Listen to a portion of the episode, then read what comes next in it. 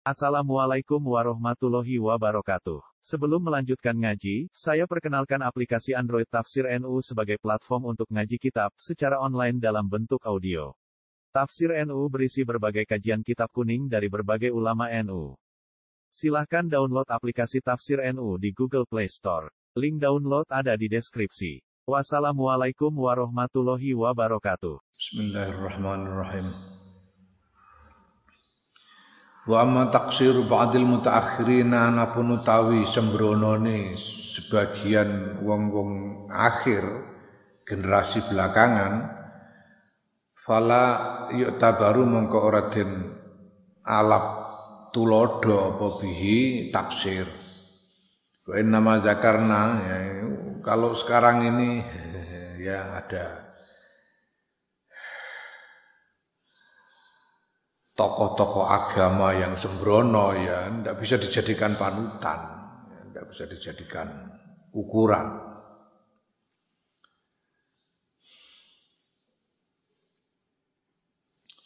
Wa nama zakar lan ing pestine nutur sapa ingsun hadzal fasla ing kelah pasal la Allah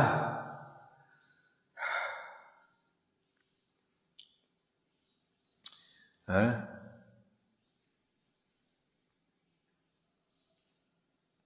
Li Allah yubiza ngono. Supaya ento ora uh, apa? Hmm? yo maidu ora mencela karena salah paham. Fihi min dalam ulama sapa mukhalifun wong kang menentang jahlan krono krono uh, orang ngerti minhu sangking fasal. Ya jalan krono arai orang ngerti minhu sangking mukhalif ngono ding. Minhu sangking mukhalif bima qasidil qaumi kelawan pira-pira tujuane kaum fi umurhim ing dalam pira-pira urusane kaum. Ya. Au ya gluta utawa keliru sapa mukhalif ing dalam uh, utawa keliru fihim ing dalem kaum sapa mubtadiun pemula salimus sadri kang selamat atine tapi lam yakhuz orang ngalap sapa mubtadi minal imsa ilmu haqqau ing hake ngilmu. Jadi Imam Syafi'i membahas pasal ini, ini supaya orang-orang yang menentang para ulama kita ini tidak lalu mencela mereka karena nggak ngerti dan termasuk juga para pemula seperti kita-kita ini supaya tidak salah paham tentang mereka. Lalu kita antum kromo aja kalau gitu boleh kita apa namanya bermewah-mewah boleh kita mengejar jabatan misalnya ya. kita harus tahu bahwa itu tidak semata-mata ada tujuannya Kiai As'ad Samsul Arifin situ Bondo. Itu dalamnya di magrong nago. Mewah sekali rumahnya itu. Kiai As'ad itu. Mewah sekali. Tapi beliau itu sehari-hari, hari seharian itu beliau ada satu lincak di ruang tengah gitu.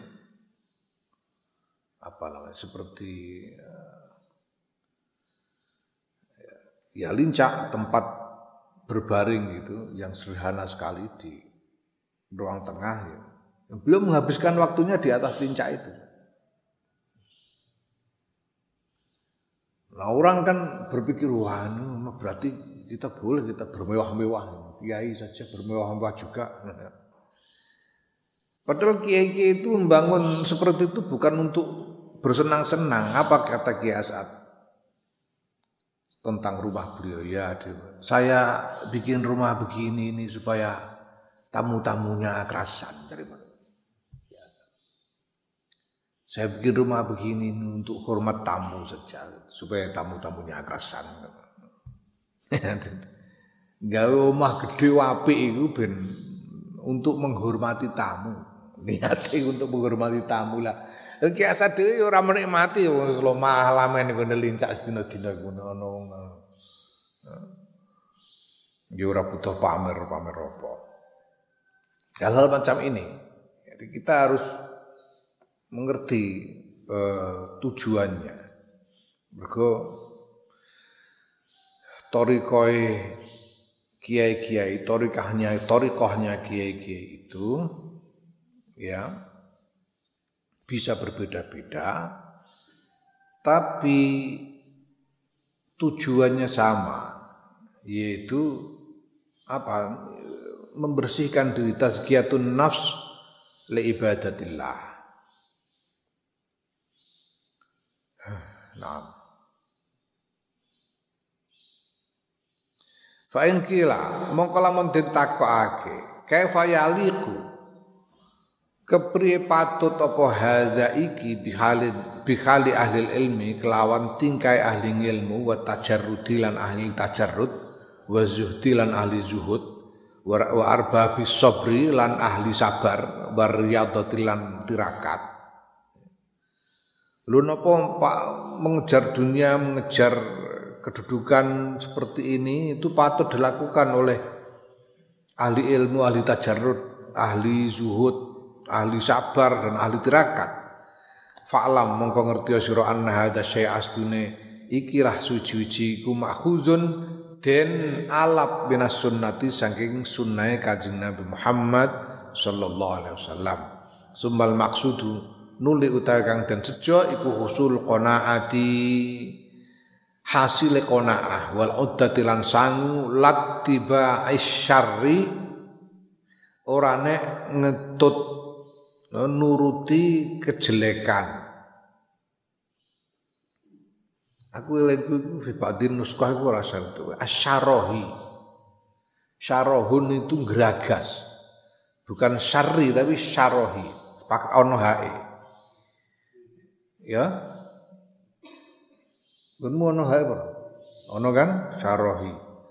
Littiba'i syarohi krono arah nuruti geragas ya rakus wa syahwatilan syahwat wa filan apes anihtimal usrati saking nanggung kesulitan wa syiddati lan e, kesusahan Ya kalian harus tahu bahwa ini ini adalah sunnah kanjeng Rasul Muhammad Sallallahu Alaihi Wasallam. Ya. Yang tujuannya adalah untuk mendapatkan kona'ah, untuk mencapai kona'ah dan mendapatkan bekal ibadah, bukan menuruti rakus atau syahwat, bukan karena lemah di dalam menanggungkan kesulitan dan kesusahan, tidak. Wa taro. Lan ake-ake barang taro kang ningali sira fi aqibidal ka dalem burine mengkono-mengkono mazkur ya oleh wiridan sing kaya-kaya kanggo memperoleh dunia. Ya, sing paling akeh yang dihasilkan dari itu iku qanaatul qalbi. Trimone ati qanaate ati. Qur'an iku trimo. Wa faqdu kalbil ju'i lan ilange asune ngelih. Ya. La rasa rasa lapar itu diibaratkan seperti anjing. Karena apa ya anjing itu ya, seperti disebut di Quran itu Anjing itu seperti yang disebut Quran itu. Piye itu?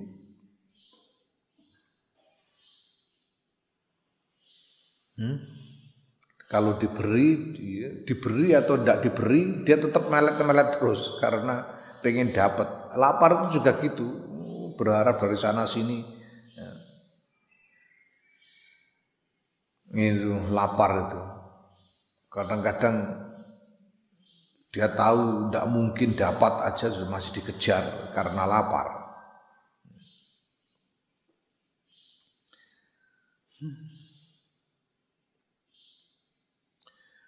Ya ilangi asu asune ngelih. Dalam arti rakus yang timbul dari rasa lapar ya. Wa dhu'fihi lan apese ngelih, lemahnya badan karena lapar.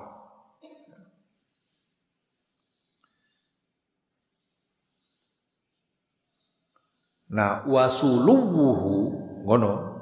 Yang suluwuhu ini jadi nek waduk fihi ini ataf kepada kalbil ju tapi wasullu wasuluwuhu ini ataf kepada qanaah.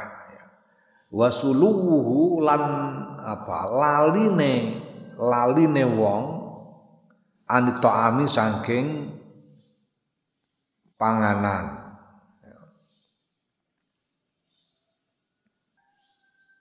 wa nuhmatihi lan ngarepake panganan. Waqat alimalan teman-teman wis ngerteni dalika mungkon-mungkon mazkur sapa man wong imtana imtahan imtahanahu kang nampa ujian sapa man hu ing apa? Hu ing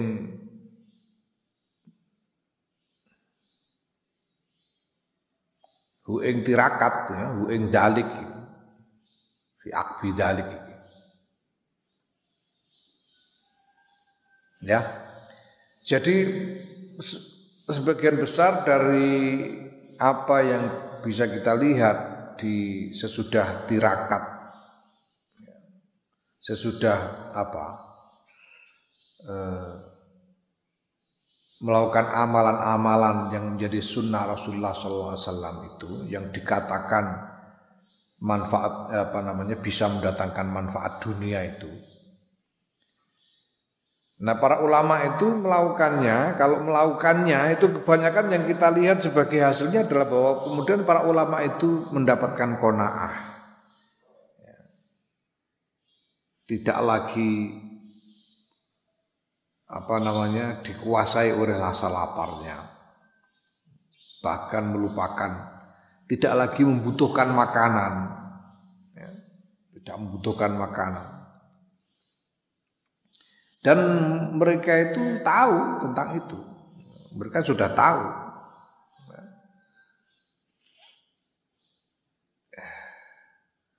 Maka para ahli ilmu, ahli kesabaran, ahli zuhud itu ketika mereka melakukan wirid surat waqiah misalnya, itu bukan untuk mencari kesenangan dunia, bukan. Untuk mendapatkan kona'ah dan bekal ibadah. Fa'alam mengkau ngerti sira hadil jumlah tak ikilah jumlah muwafaqan halidin paringi pitulungan insyaallah ngrasakake sapa Allah taala Allah taala. Ya demikian uraian tentang riak sebagai apa jenenge sebagai noda atas amal. Nah, al-qadikus al-qadihusani utawi noda kang kedua. Qadih itu noda. Cacat. Iku al-ujbu ujub. Wa nama yalzamuka an aing bestine wajib ing sira istinabu ngedoi ujub li amro ini krana alasan loro. Idahuma kang te salah siji loro iku annahu setune ujub ku yahjubu ngaling-aling apa ujub an taufiqi saing pitulungan wa ta'yidilan lan bantuan Allah taala saing ngarasan Allah taala. Fa innal mujibah moko setune wong kang ujub iku mahdulun den inaake ya pertama karena ujub itu akan menghalangimu dari pertolongan Allah. Karena seorang yang ujub ujub itu ya mengagumi diri sendiri membangga-banggakan diri sendiri itu dihinakan. Dia akan dihinakan orang seperti itu. Wa idzan qata'a mengkenalkan pegot al abdi sayang kawula apa atayidu bantuan wa taufiqulan pertolongan Allah taala sayang ngarasan Allah taala fama asra'a mongko duh gawa utawi apa iku asra'a nyepetake apa ma ma ing barang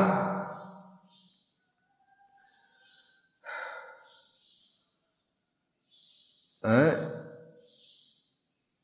ma ing barang yuhliku kang binasaake apa ma? Utawa yahliku ya. ma ing barang yahliku kang binasa apa ma? Ya. Kalau seorang hamba itu terputus dari pertolongan dan bantuan Allah maka alangkah cepatnya dia akan mengalami kehancuran kebinasaan walidzalika lan krono kono kono mazkur qala nabi sallallahu alaihi wasallam ketika dawuh sapa kanjeng Nabi Muhammad sallallahu alaihi wasallam Salasun utai telu iku muhlikatun binasaake apa telu. Ada tiga hal yang bisa membinasakan, menghancurkan orang. Apa iku syukun, yaiku medit mutaun kang den nut. Ditaati. Ras, eh, pelit yang ditaati. Itu maksudnya kalau eman-eman lalu ya betul-betul nggak jadi ngasih itu pelit yang ditaati wahawan mutbaun dan hawa nafsu yang dituruti wa ijabul mar'i lan ujube wong binafsi lan wong tiga hal ini bisa menghancurkan seseorang pertama pelit yang dituruti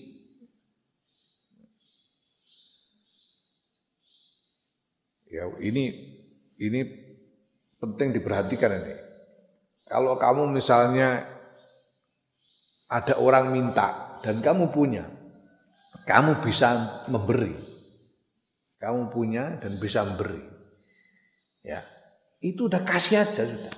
Walaupun kamu merasa aduh masa tak kasih, eman-eman. Jangan turuti kalau kamu eman-eman itu dituruti itu mulika sukun mutok pelit yang dituruti. Itu mengundang bencana.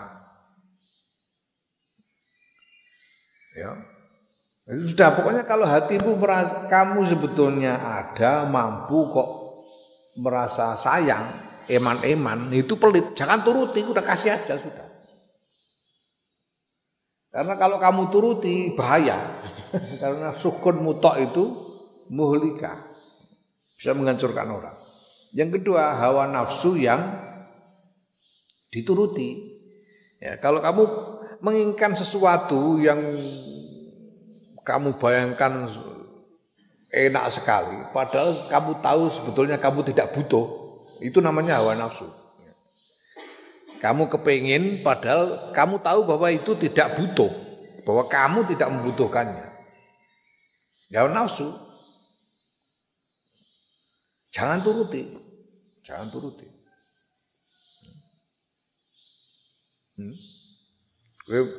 melaku-melaku roh esteler kemeceri kan padahal kerjanya orang butuh oh suara satuku aja turuti itu kita harus melatih hawa nafsu kita seperti itu karena ini eh, bahaya ini muhlika dan yang ketiga itu terpesona pada diri sendiri. Ya.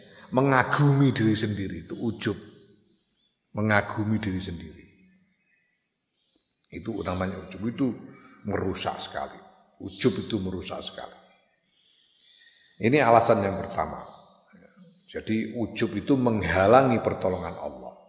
Wastani takang kaping pindho iku ana ustune ujub iku yufsidul amala, ngrusak apa ujub al amala as-shalihah ing amal saleh Wal kalan krono kono kono mazkur kala ngendika sapa Al-Masih wa Isa alaihi salatu salam kanjeng Nabi Isa Al-Masih alaihi salatu salam piye ngendikane Nabi Isa ya ma'syarul hawariyin kam min sirajin qad atfa'at hurrihu.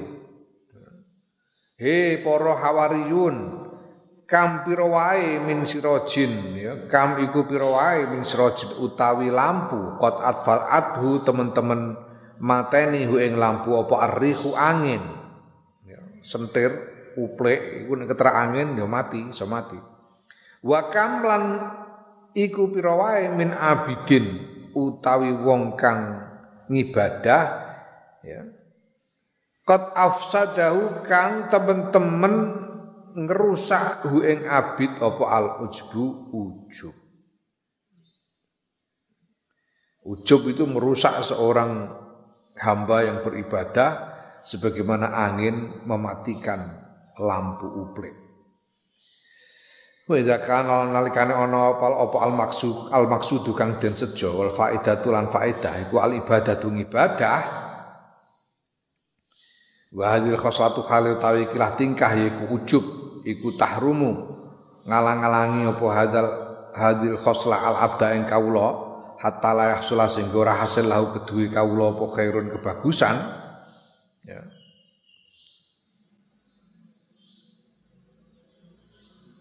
ya. Nah fa'in khasola mongko lamun kalaupun mongko lamun hasil lahu kedue kawula apa khairun kebagusan faqalilun mongko kusithik min dalika mengkono wong faqalilun mongko utawi sithik mongko iku utawi sithik.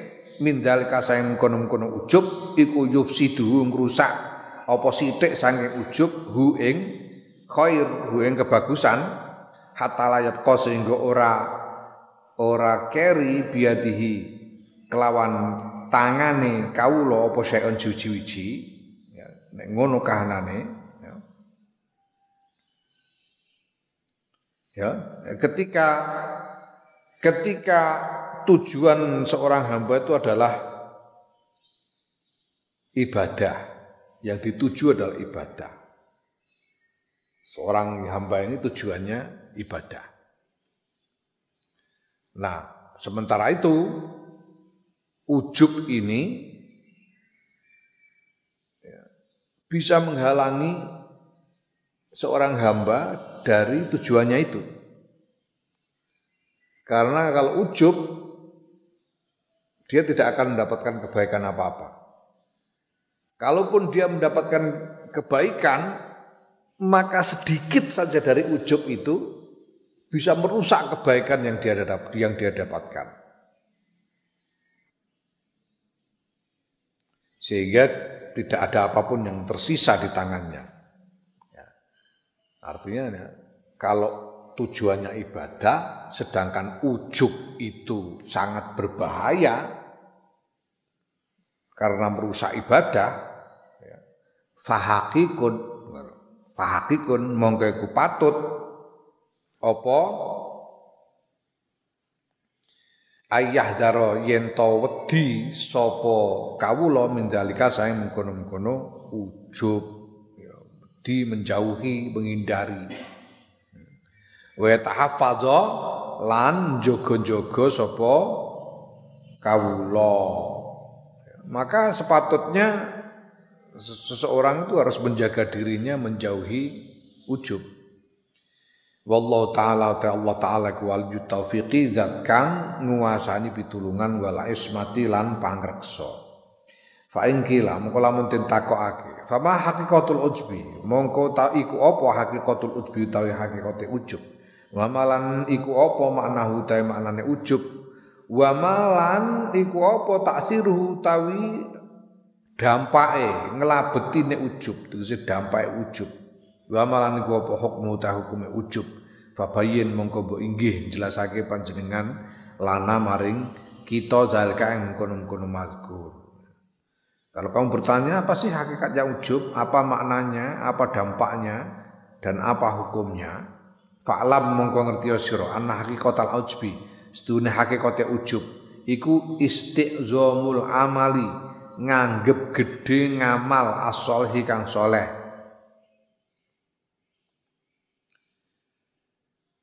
Ya, ujub itu apa? Hakikatnya ujub itu. Hakikatnya ujub itu adalah menganggap besar suatu amal soleh. Menganggap besar suatu amal soleh. Es, iku apa? Ada amal kamu orang sholat dua rakaat, wah Hebat aku ini sudah bisa sholat dua rakaat. Orang-orang tidur semua kelinter, ngiler ya. Aku malah sholat dua rakaat. Hebat aku ini. Istiqdamu, uh, istiqdamul amal soleh. Ya. Itu ujub. Nah, wa tafsilu wa tafsiluhu utawi rinciane ujub inda ulama ina rahimahumullah. Munggu ulama kita rahimahumullah iku zikrul abdi il apa ilinge kawula husula syarafil amali sholihi ing hasile kemuliaan ing amal soleh bisain sebab suwiji-wiji dunallahi azza wa jalla sakliyane Allah azza wa jalla. Awin nasi utawa sebab menungso nganggep bahwa itu disebabkan oleh manusia selain Allah. Awin nafsi utawa sebab awak dhewe. Nah kalau definisinya yang rinci menurut ulama kita ujub itu artinya apa? Ujub itu adalah mengira, menganggap, menganggap bahwa suatu amal soleh, kemuliaan, suatu kemuliaan amal soleh itu diperoleh dari selain Allah. Diperoleh karena sebab selain Allah. Apakah itu sebab sesama manusia atau sebab yang lain sebab uang misalnya sebab kekayaan atau sebab dirinya sendiri atau sebab dirinya sendiri. Jadi tidak dia tidak punya anggapan bahwa keberhasilannya memperoleh kemuliaan amal soleh itu semata-mata semata-mata berkat pertolongan Allah. Kalau dia seperti itu berarti ujub. Kalau menganggap bahwa keberhasilannya memperoleh kemuliaan amal soleh itu bukan semata-mata dari pertolongan Allah berarti ujub. Kalau ketika sapa ulama qad yakunu terkadang ana apa al ujbu ujub iku musallasan. Ya. Musallasan itu ya dibagi telu. Mustalahatan den den bagi telu. Bi kura lan yen to eling sapa wong dalika ing mengkono-mengkono mazkur yaiku husul amal salih, husul sarafi sarafil amal salih bisa dunallah. Ya. Min hadhi salasati saking ikhlas telu jami'an sekabiane yaiku an nafsu wal kholku wa syai'u. An nafsu dirinya sendiri wal kholku sesama manusia wa syai'u lan suwiji-wiji. Harta benda misalnya ujub itu terkadang apa namanya uh, memiliki muatan tiga hal ini menganggap bahwa keberhasilan memperoleh kemuliaan amal soleh itu dari dari dirinya sendiri, dari berkat sesama manusia atau berkat harta benda. Tiga hal, ketiga-tiganya ada di situ. Ya. Wa musannan lan apa dibagi orang berarti ya apa Mustalasan itu artinya orang kok dibagi telu, tapi apa jenenge? Piye? Apa eh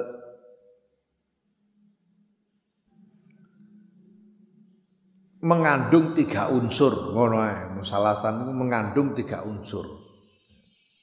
Wa musannan lan mengandung dua unsur. Bi ayyazkar kelawan ya terkadang dua unsur saja bi ayyazkaruhu kelawan yen to eling sapa hu ing zalik minasna ini saking loro. Apa karena dirinya sendiri atau karena harta benda? Dirinya sendiri dan harta benda dirinya sendiri dan sama manusia sama manusia dan harta benda. Pokoknya dua. Bahwa muwahidan kadang si tok satu unsur saja bi ayat kurahu kelan yento eling sapa wong hu ing husulu sarafil amali salih dalik min wahidin saking siji. Karena dirinya sendiri saja atau karena sama saja atau karena harta benda saja. Ya, itu ujub. Pokoknya kalau orang menganggap bahwa keberhasilannya memperoleh kemuliaan amal soleh itu disebabkan oleh selain Allah, itu ujub ngono Ya, wadidul ujbi utawi wali ane ujub iku zikrul minnati, ngeling-ngeling peparing, ngeling-ngeling peparinge Allah. Wa huwa utawi zikrul minnah iku ayyazkara yen to ayyazkura yen to yen to eling sapa wong anahu setuhune dalik ya, amal saruf wa amal salih iku bitaufiqillahi sebab pitulungane Allah Subhanahu maha suci Allah. Ya. wa annahu lan sedune Allah iku alladzi zat syarrafahu kang mulyaake sapa Allah. Wa azzama lan ngegungake sapa Allah sawabahu ing ganjarane wong. Wa qaddarahu lan gawe wa qaddarahu lan gawe kongang sapa Allah. Menjadikan mampu sapa Allah ing eh, kawula. Hmm, kebalikan dari ujub adalah mengingat anugerah Allah. Anugerah apa itu? Yaitu ingat bahwa keberhasilan yang peroleh kemuliaan nama soleh itu semata-mata sebab pertolongan Allah dan bahwa Allah lah yang memuliakannya. Allah lah yang menjadikan pahalanya besar. Allah lah yang membuatnya mampu melakukan amal soleh itu. Ya. Iki biar aku diuling ini juga sama Mbah Misbah. Ya. Kowe iku antarane syariat karo hakikat kudu maju bareng. Syariat karo hakikat kudu maju bareng. Syariate kowe diwajibake nglakoni salat niku syariat. Mulane kowe wajib nglakoni tumandang nglakoni salat. Tapi nalika nglakoni salat kowe kudu eling Allahu Akbar iku kudu eling bahwa olehmu iso nglakoni iki krana sebab pitulungane Gusti Allah. Syariat dan hakikat. Syariatnya adalah bahwa kita dibebani taklif kewajiban sholat lima waktu. Hakikatnya yang menjadikan kita mampu melaksanakan kewajiban itu adalah pertolongan Allah. Kalau bukan karena pertolongan Allah, tidak akan kita mampu melakukannya. Wa hadza dzikru ta'iklah zikir ku fardun fardu inda dawail ujbi ing dalam nalikane anane pira-pira pengajake ujub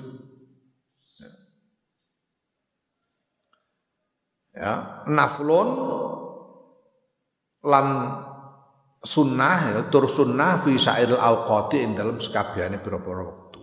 Setiap saat ini disunnahkan kita disunnahkan untuk untuk apa namanya? Untuk eh, mengingat anugerah pertolongan Allah setiap saat. Disunahkan. Nah, pada saat dalam keadaan bahwa di situ ada banyak godaan untuk ujub, ya kita wajib mengingat kita wajib mengingat eh, anugerah Allah umpamanya ya. ketika orang pidato, ceramah, pengajian. Jadi mubalek ceramah pengajian. Itu di situ ada dawail ujbi. Oh, mereka wah ngopo-ngopo dikeploki wong akeh. Banyol wong guyu wah wah. Boleh hebat aku. ya. Boleh ampuh. Itu ada godaan untuk ujub.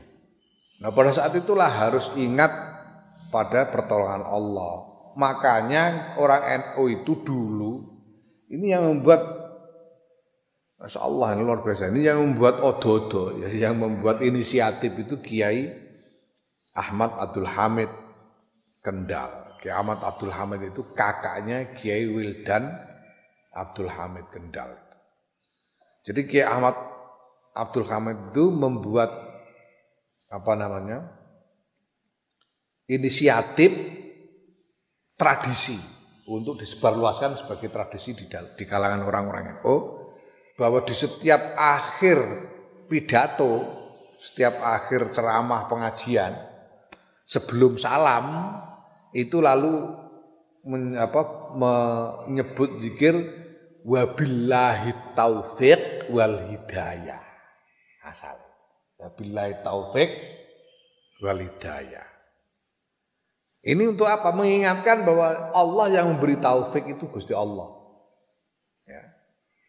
Bahwa Allah yang memberikan pertolongan sehingga aku mampu berpidato, berceramah secara gegap gempita begini ini karena pertolongan Allah. Dan kalau orang-orang yang mendengarkanku ini mendapatkan hidayah, hidayah itu dari Allah, bukan karena aku. Wabillahi taufik wal hidayah itu maknanya begitu. Wah ini alhamdulillah lalu menjadi tradisi yang dipakai secara luas oleh kalangan Nahdlatul Ulama billahi taufik wal hidayah. Sehingga menjadi populer sekali. Nah bareng kemudian zaman Orde Baru itu Golkar kepengen mendekati NU, Lalu orang-orang Golkar itu kan mereka bikin macam-macam. Pak Harto itu bikin MUI, itu kan untuk nyanyi NU. Itu gawe gupi, gupi biyen milenial orang ngerti blas. Aku lali istikatane apa gupi. Gupi itu pokoknya mereka bikin madrasah dan ada kumpulan guru-guru madrasah sendiri. Itu orang Golkar. Jadi idenya adalah untuk mengambil alih pengaruh NU ini dari masyarakat. Waktu itu Golkar. Nah, supaya bisa melakukan penetrasi ke dalam kalangan NU, bisa diterima oleh kalangan NU, maka orang-orang Golkar ini juga membiasakan zikir yang populer ini. Orang Golkar itu lalu setiap habis pidato ya tiru-tiru muni wabillahi taufik wal hidayah. Wassalamualaikum warahmatullahi wabarakatuh. Sehingga di mana-mana orang Golkar itu kalau pidato ya pakai wabillahi taufik wal hidayah itu. Nah karena di Golkar itu juga banyak orang Muhammadiyahnya, akhirnya orang Muhammadiyah ya banyak yang pidato pakai bilai taufik wal hidayah. Oh, takok orang aku ya. Mergo isin ngono ae. Jane asline ngono. Akhirnya Muhammadiyah ya melu bilai taufik wal hidayah. Terus kayak Ahmad Abdul Hamid itu lah berpikir lah kok terus dipakai semua orang gini. Ini kan ciri khasnya kan selalu nggak jadi ciri khas NU lagi. Kalau gitu anu bikin ciri khas yang baru ini, bikin yang baru kita. Nah, terus itu tadi muncul inisiatif zikir yang baru. Wallahul muwaffiq ila aqwamit thariq. Ya, lah, wallahul muwaffiq ila aqwamit thariq. Wah, aku ae keliru, ndak gumune menawa. Pemene orang ngaji. Wallahul muwaffiq ila aqwamit thoriq wallahul muwaffiq ila aqwamit thoriq iki nek wong ora ngaji kangelan muni. Wong iku mat apa jenenge mat karo apa? Dawa cendeke nek ora setiti keliru maknane wallahul muwaffiq mat tasdid itu harus tepat. Kalau ndak maknanya keliru wallahu muwaffiq ila aqwamit thariq wallahu ta'ala Gusti Allah iku al muwaffiq zat kang paling piturungan ila aqwamit thariqi maring paling jejeke dalan. Ya.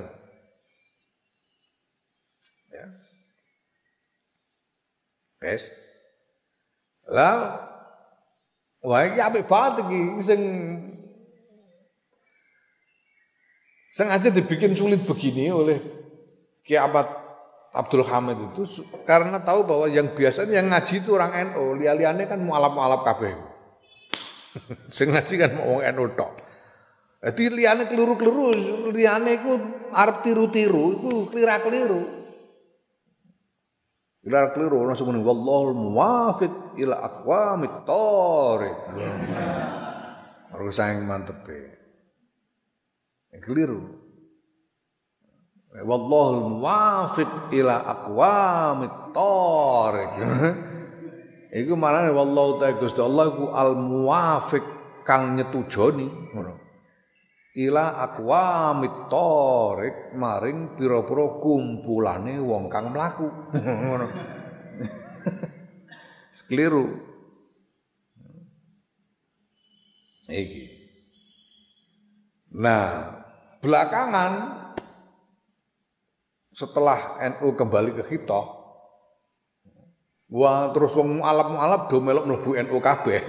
Akhirnya terus wong NU balik meneh muni billahi taufik wal hidayah. Mergo arep muni wallahul muwaffiq iku kaangile ra karuan.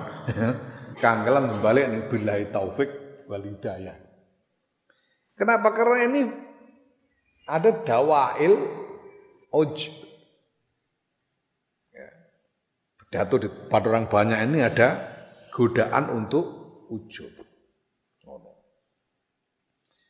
Aku dijazai Kiai Mubashir Paraan Ngadirejo Ngadirejo Temanggung ya.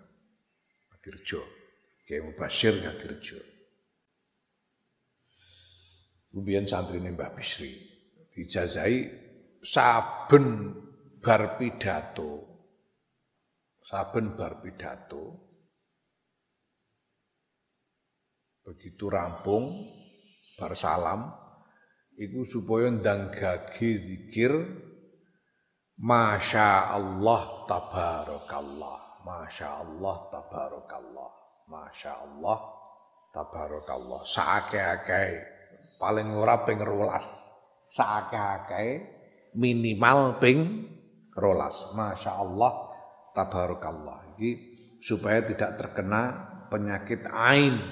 Penyakit ain itu penyakit penyakit yang timbul karena tidak tahan menerima pandangan kagum dari orang banyak. Itu penyakit air. Penyakit yang timbul karena tidak tahan melihat pandangan kagum, mata yang kagum dari orang lain. Itu penyakit air. Nah gejalanya bisa macam-macam, bisa fisik, bisa psikologis. Bisa fisik. Ada orang kena penyakit air itu keluarnya itu sakit panas. Panas, demam. Itu ain. Karena tidak tahan pada menerima pandangan kagum dari orang. Fisik, bisa fisik. Tidak tahu sakitnya bisa macam-macam fisik. Bisa juga apa namanya psikis kejiwaan. Oh, itu sudah dimlete, oh, kementos. Eh, kemaki, loro ain, ya. Penyakit ain. Naam. Nah, di setiap waktu, walaupun tidak sedang melakukan satu amal di depan orang banyak, kita disunahkan untuk senantiasa mengingat eh, zikir, melakukan zikir, mengingat pertolongan Allah ini. Naam wa amma ta'sirul ujbiyan pun utawi dampai ujub fil amal ing dalam ngamal. Iku kala ngendika sapa ba'du ulama ina sebagian ulama kita al mujibu ta wong kang ujub iku yang taziru ngenteni sapa ujub al ihbata ing ihbat. Ihbat itu penghancuran. Ihbat Fa in taba mengkalamun tobat sapa mukjib qabla mautihi ing dalam sadurunge matine mukjib ya salima mengko selamat sapa mukjib. Ya, wa ilalan lamun ora ora tobat sapa mukjib ya uh bita. Gocek sapa mukjib ya. Dihancurkan sapa mukjib. Ya, wa ilahi lan maring ngene iki eh, keterangan iki Zahaba berpendapat sapa Muhammad bin Sabir Muhammad bin Sabir min syukhil karomiyati setengah sangking tokoe golongan karomiyah. Wal ihbatu ta penghancuran indahu mungguwe Muhammad bin Sabir iku haba yen to ilang anil amali saking ngamal apa jami'ul asma'il hasanati sekabiane piro-piro arane kebagusan? Hatta la yastahiqqa sehingga orang ngekaki sapa wong bidzalika kelan kono-kono ngamal sawaban ing ganjaran wala midhatan lan ora nek pujian albattata babar pisan Seorang yang ujub itu dia menantikan penghancuran. Kalau artinya menghentikan menantikan penghancuran itu ya tidak langsung dihancurkan amalnya. Tapi dilihat dulu apakah dia bertobat sebelum apa? Bertobat sebelum mati atau tidak. Kalau sebelum mati dia bertobat dari ujub ujubnya, ya amal-amalnya ini selamat. Amal-amalnya selamat kalau dia bertobat sebelum mati. Tapi kalau tidak bertobat sampai mati tidak sempat bertobat, ya hancur seluruh amalnya ini hancur. Enggak ada pahalanya semua. Enggak ada pahalanya sama sekali semua. Kalau orang yang ujub ini tidak bertobat sebelum mati. Oh. Ini pendapat dari Muhammad bin Sobir, salah seorang tokoh Karomiyah. Nah, Ya. Wa dimau. Wa fi qali ghairi lan ing dalem pendapate sakliyane Muhammad bin Sabir huwa utawi ujub iku zihabul. Apa? Idafi ya kena di, di ora ilange tiklan. La ghairu ora nek liyane. Yang hilang karena ujub itu adalah lipatan pahala, kelipatan pahala, kelipatan pahala dari amal itu yang hilang. Kalau pahalanya amal itu sendiri satu pahala dia masih dapat, tapi kelipatannya hilang. Itu menurut pendapat yang lain. Ya. Fa'in kulta mengkolamun ngucap siro, fayal tabisu, kepriye jumbo al abdil arifi ngatasi kawula kang kenal barang Allah ahli ma'rifat jumbo apa ma barang? Apa annallaha? Ya jumbo apa annallah taala? Sedune Allah taala. Huwa ya Allah iku Allah zat wafaqo kang mitulungi sapa Allah lil amali sholih maring amal soleh wa azza malan ngagungake sapa Allah qadrahu ing um, derajate kawula. Wa aksara lan gawe akeh sapa Allah sawabahu ing ganjarane kawula. Bifadlihi kelawan kemurahatiane Allah kelan lumane Allah haban hilan eh, kanugrahane Allah. Apakah mungkin ada seorang yang mengenal Allah dan kemudian dia merasa atau kemudian tidak jelas baginya. Apakah mungkin, bagaimana mungkin terjadi ada orang yang mengenal Allah, kemudian tidak jelas baginya bahwa Allah lah yang memberikan pertolongan, bahwa Allah lah yang memperbesar pahalanya, yang meninggikan derajatnya dan seterusnya. Apakah bagaimana mungkin itu terjadi? Pada orang yang mengenal Allah. Singkatnya, apakah mungkin? Nah, bagaimana mungkin orang yang mengenal Allah kok bisa ujub? Mana mungkin orang mengenal Allah kemudian dia menjadi ujub?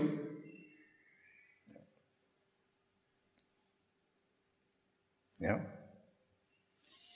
Fa'lam mau ngerti sira huna ing dalam kono anna hahuna sedune ing dalam kono nuktatan nuktah faedah latifatan kang lembut wa dakhiratan lan simpenan sarifatan kang mulya.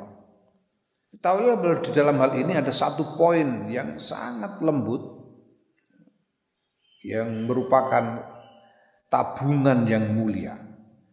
Wa utawi nukta iku anan nasa sedune menungso fil ujbi dalam ujub iku salah satu asnafin ono telu pura-pura golongan.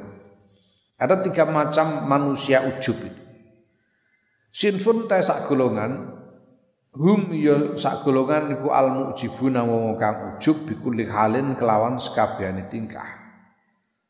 Orang yang ujub apa? Orang yang senantiasa ujub, yang ujub dalam semua hal. Ada satu kelompok orang yang ujub dalam semua hal. Wahwa utawi wong sing ngono iku iku al mu'tazilatu wong mu'tazilah wal qadariyatu lan lan wong qadariyah. Alladzina la yarona ya iku wong-wong la yarona kang ora ningali sapa alladzina lillahi tetep kedue Allah alaihim ing atase alladzina minnatan ing peparing fi af'alihim ing dalam pira-pira lakune alladzina wa yungkiruna lan padha ngingkari sapa alladzina al auna ing pitulungan wa taufiq lan ya pitulungan al khassa kang khusus ya. wa lutfa lan kanugrahan Wazalika utawa mengkono-mengkono ingkare Mu'tazilah lan Qadariyah iku li syubhatin krana sawijining syubhat istaulat kang menguasai apa syubhat apa syubhat eh, sub syubhat alaihim ing atase. Orang yang senantiasa ujub, memang ujub dari sononya dan senantiasa ujub. Mereka itu adalah orang-orang Mu'tazilah dan Qadariyah. Kenapa? Karena orang Mu'tazilah Qadariyah ini mengingkari berjalannya takdir dari waktu ke waktu. Ini Mu'tazilah dan Qadariyah. Ya. Jadi mereka berpendapat bahwa Allah ini menciptakan alam semesta ini seperti menciptakan seperti itu membuat jam, membuat jam. Jam wis dadi pasang baterai wis culno ngene mlaku dhewe. Itu pandangan Mu'tazilah dan Qadariyah. Bahwa Allah tidak melakukan intervensi dari waktu ke waktu. Sehingga kalau buat mereka kalau ada orang beribadah ya itu karena kemauan dan karena kemampuan pelakunya, bukan tidak ada faktor pertolongan Allah di situ. Itu menurut pandangan Qadariyah dan e, Mu'tazilah. Ya. Nah, kebalikan dari Qadariyah ini yang disebut Jabariyah. Bahwa manusia ini tidak tidak mampu mengupayakan amalnya sendiri. Karena itu juga nanti tidak dihisap. Oh, dia tidak mengupayakan amalnya sendiri. Soal surga neraka ya terserah Allah saja. Ini Qadariyah. Apa Jabariyah yang kemudian juga disebut sebagai Murji'ah. Murji'ah, Jabariyah. Ini yang ada di, di dalam sejarah ya, khazanah sejarah perkembangan pemikiran-pemikiran di dunia Islam. Mereka orang seperti ini, berarti ya ujub sepanjang waktu. Wong dia memang menganggap bahwa Allah sama sekali tidak melakukan intervensi. Nah, wasinfun lan sak golongan hum kang utawi golongan iku azzakiruna wong-wong kang eling lillahi kedue Allah al minnata ing peparing bikulli halin kelawan sekabehane tingkah Wahum utawi adzakirun iku al mustaqimuna wong kang istiqomah layu jibuna kang kang ora ya. ujub sapa al mustaqimun bisaen kelawan siji minal amali saing pira-pira amal. Wadali kau ta mengkono-mengkono ora ujub iku libasiratin krana kewaspadaan. Ukrimu ukrimu kang den mulyaake sapa mustaqimun biha kelawan basirah. Dimulyakake dening Gusti Allah diparingi tegese. Diparingi sehingga mereka menjadi mulia karena dianugerahi basirah itu.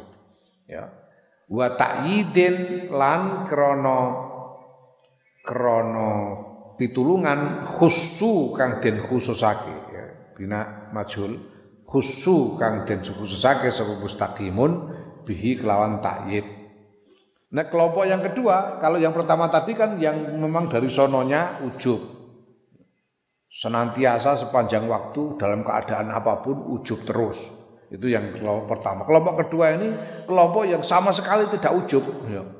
Sepanjang waktu dalam keadaan apa pun tidak ujub. Mereka ini adalah orang-orang yang istiqomah yang tidak ujub sama sekali dalam amal apa pun. Dan itu ter, bisa dimungkinkan karena mereka dikaruniai basirah oleh Allah, dikaruniai kewaspadaan, ketajaman hati oleh ketajaman batin oleh Allah dan dikarungi pertolongan oleh Allah. Wasali sudah kaping telu ya iku hum utawi astalis iku al muh al mukhallituna wong kang nyampur-nyampur, kadang ujuk kadang ora, campur-campur, eh. Nah, iki sekaruan golongane dapur ambar niku. Wa hum utawi mukhallitun niku ammatu ahli sunnati umume wong-wong ahlu sunnah. Wal jamaah. Wong ahlu sunnah wal jamaah ya. itu ya dangtek ya, tarotan yang dalam siji mongso yang tabihuna eling sapa ahlu sunnah. Fayaz kuruna mongko eling sapa ahlu sunnah minatallahi ing peparing Allah. Wa tarotan yang dalam mongso liyane fuluna lali sapa ahlu sunnah fa ujibuna maka ujub sapa ahlus sunnah. Ya. Bidalka kelan mengkono-mengkono ngamal. Lima kan ghaflati krana panggonane lali. Al aridoti kang apa? Kang kepranggul kang merangguli apa? Lali. Wal fatrat wal wal fatrati lan krana eh apa? Krana selo utawa pedot fil istihadi ing dalam perjuangan. Wan naksi lan krana kekurangan fil basirati ing dalam kewaspadaan batin. Ada ya ini umumnya orang-orang ahlu sunnah jamaah ini ya kadang ingat, kadang ujub, kadang ingat, kadang ujub gitu. Kenapa ya? Mereka ujub itu karena sedang lupa, ya. tengah-tengah lupa dan karena mereka apa namanya perjuangan mereka terputus di tengah jalan. Terputus itu artinya ya tidak terus menerus putus nanti kumat lagi putus lagi mulanya ono sebutan tomat bar tobat terus kumat ini mereka dan karena mereka kekurangan eh, ketajaman batin. Fa'in kulta moko lamun takon sira. Kaifa hal qadariyatil mu'tazilati? Ya kados pun tikae pun tiang qadariyah wal mu'tazilati lan mu'tazilah fi af'alihim ing dalam pinten-pinten laku ning qadariyah lan mu'tazilah. Kalau orang qadariyah mu'tazilah itu terus gimana mereka itu? Mereka ujub seperti itu apakah mereka dengan sendirinya rusak semua amalnya, hancur semua, nggak ada yang yang nggak ada pahalanya semua ya. Fa'alam mongko ngerti sira anna fi dzalika sedune iku tetep ing dalem mengkono-mengkono mazkur ikhtilafatun ikhtilafatin pira-pira perbedaan pendapat Taulah bahwa dalam hal ini ada perbedaan pendapat. Fakilah mengkodin ngendikake innahu setuhune eh ujube ujube wong qadariyah lan mu'tazilah iku muhbitun nglebur menghancurkan amal lika lima kan iktiqadihim krana panggonane iktiqadi wong-wong lan mu'tazilah ada yang berpendapat ya sudah ya memang hancur semua amalnya nggak ada pahalanya karena etikat mereka begitu. Wakila lan dan ketika ake ya layuh bitu. layuh batu layuh batu layuh batu ora den lebur apa amalun ngamal? Bi'tiqadin sebab sawijining i'tiqad fil jumlati ing dalam gemblengan min firaqil islami saking pira-pira firqae Islam pira-pira kelompoke Islam. Ya ya yang lain berpendapat kalau ya ndak gitulah ndak ndak apa namanya tidak otomatis karena dia pengikut satu kelompok lalu e, semua amalnya hancur karena itu. Karena itikot dari kelompok itu. Enggak ya tapi gimana? Hatta yukhosso sehingga dan khususake apa kula amalin saben-saben amal bi ijabin kelawan ujub. Tapi ya tergantung setiap amal. Kalau ada satu amal kok disertai ujub ya hancur. Kalau enggak ya enggak. Ngono iku kama anna atiqada ahli sunnati kaya oleh setuhune itiqada itiqadi ahli sunnah iku lam yam layam nau ora nyegah apa itiqad ahli al ujba ing ujub fi kulli amalin ing dalam saben-saben amal hatta yakhussuhu sehingga ngususake sapa wong hu ing amal bidzikril minnati kelawan eling peparingi Allah. Ya.